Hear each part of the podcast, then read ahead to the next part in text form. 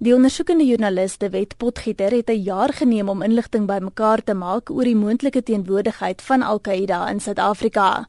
Hy het drie persele geïdentifiseer: 'n plaas buite Pretoria naby die voormalige apartheidspolisiebasis Vlakplaas, 'n afgeleë plaas in die Oos-Kaapse Berge naby Uniondale en 'n derde perseel in die provinsie. Ek het basies begin meer as 'n jaar gelede die naam gehad van 'n plaas in Karoo en ek het gaan soek en gesoek tot ek gekry het die plek gekry wat ek gesoek het en van daar af hier ondersoek begin en teruggewerk na Pretoria toe.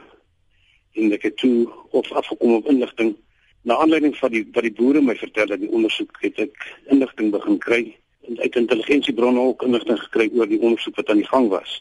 Potgieter beweer die Suid-Afrikaanse intelligensiediens is al jare lank bewus van die aktiwiteite. Net na 9/11, die aanval in New York, het die regering twee ondersoeke van die grond af gekry.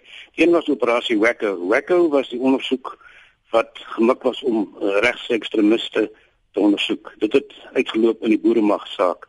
Maar die ander ondersoek wat parallel geloop was operasie Kanu wat ons kyk na ekstremiste in die rigting van in die, in die moslimkant van van die, van die spektrum. Dit is gedoen, daar was ondersoek ingestel en tot nou onlangs nog kyk hulle na die hele uh, opset. Dit daar bewyse gekry van dat opleiding gedoen word. Baie keer oor naweke in plase hierso in Mpumalanga en in Gauteng. Daar sniper weet skerp skit opleiding en daar so is soos mense Engels kan sê drive by shooting opleiding ook hoe om as voertuig byry op hulle te skiet en so aan. Die kwessie van hoekom dit gestop was is nog hang nog 'n vraag oor dit maar dis net 'n gedeelte wat gestop het lyk like, dit daar is tog elemente wat deep cover agente wat wel nog binne in binne daai netwerke sit. Die owerhede wil egter niks bevestig nie. Hulle het net sê hulle lewe nie kommentaar uh, oor ondersoek wat nog aan die gang is nie. Intussen sê 'n kenner verbonde aan die Universiteit van die Vrystaat, professor Hussein Solomon, die onthullings verbaas hom nie. I've been working on this issue for years and years and years. In fact, it goes back all the way to the 1980s. Israel lo lodged a formal complaint to the South African government because of the existence of five Hezbollah training camps. The person responsible for the 1998 uh, U.S. embassy bombings in Tanzania and Nairobi was caught in a safe house in Cape Town. We tend to forget all of those things. The planning for the London attacks of of the uh, 7th of July 2005 was was now done in South Africa.